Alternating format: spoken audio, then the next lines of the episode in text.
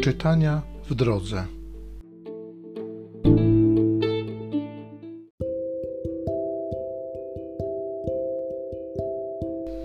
Z dziejów apostolskich. Kościół cieszył się pokojem w całej Judei, Galilei i Samarii. Rozwijał się i żył bogobojnie i obfitował w pociechę Ducha Świętego. Kiedy Piotr odwiedzał wszystkich, przyszedł też do świętych, którzy mieszkali w Liddzie. Znalazł tam pewnego człowieka imieniem Eneasz, który był sparaliżowany i od ośmiu lat leżał w łóżku. Eneaszu powiedział do niego Piotr: Jezus Chrystus cię uzdrawia. Wstań i zaściel swoje łóżko. I natychmiast wstał.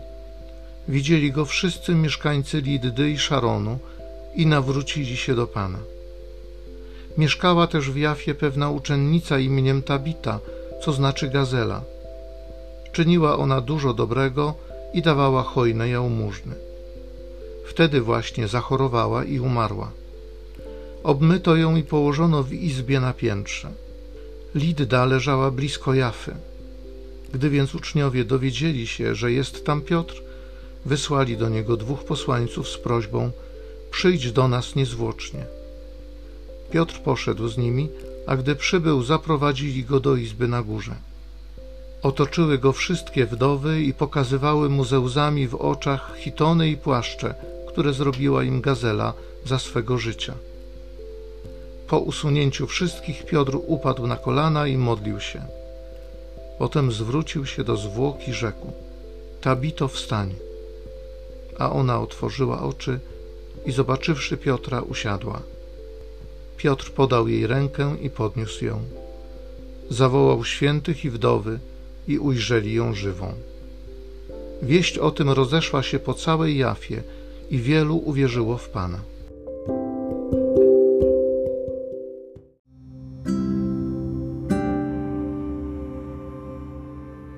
Z Psalmu 116 Cóż oddam, Panie, za Twe wszystkie dary? Czym się Panu odpłacę za wszystko, co mi wyświadczył? Podniosę kielich zbawienia i wezwę imienia Pana. Wypełnię me śluby dla Pana przed całym Jego ludem. Cenna jest w oczach Pana śmierć Jego wyznawców. O Panie, jestem Twoim sługą, Twym sługą, synem Twojej służebnicy. Ty rozerwałeś moje kajdany Tobie złożę ofiarę pochwalną i wezwę imienia Pana.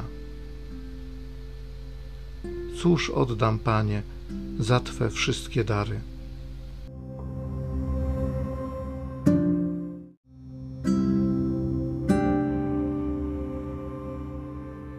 Słowa Twoje, Panie, są duchem i życiem. Ty masz słowa życia wiecznego.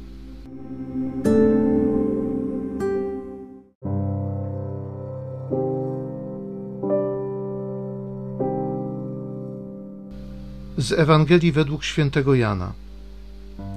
W synagodze w Kafarnaum Jezus powiedział: Ciało moje jest prawdziwym pokarmem, a krew moja jest prawdziwym napojem. A wielu spośród jego uczniów, którzy to usłyszeli, mówiło: Trudna jest ta mowa, któż jej może słuchać? Jezus jednak, świadom tego, że uczniowie jego na to szemrali, rzekł do nich: To was gorszy, a gdy ujrzycie syna człowieczego, wstępującego tam, gdzie był przedtem? To duch daje życie, ciało na nic się nie zda. Słowa, które ja wam powiedziałem, są duchem i są życiem, lecz pośród was są tacy, którzy nie wierzą. Jezus bowiem od początku wiedział, którzy nie wierzą i kto ma go wydać. Rzekł więc: Oto dlaczego wam powiedziałem: Nikt nie może przyjść do mnie, jeżeli nie zostało mu to dane przez Ojca. Od tego czasu wielu uczniów jego odeszło i już z nim nie chodziło. Rzekł więc Jezus do dwunastu: Czyż i wy chcecie odejść? Odpowiedział mu Szymon Piotr: Panie, do kogo pójdziemy? Ty masz słowa życia wiecznego. A my uwierzyliśmy i poznaliśmy, że Ty jesteś świętym Bożym.